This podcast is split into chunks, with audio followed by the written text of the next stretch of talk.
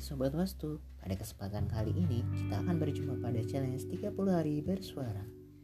Bayangkan apa yang kamu pikirkan ketika mendengar kata panggilan. Apakah itu sebuah nama atau tujuan? Atau jangan-jangan itu panggilan dari hati kamu? Dengan satu panggilan saja dapat mengubah segalanya, entah itu menjadi baik ataukah buruk.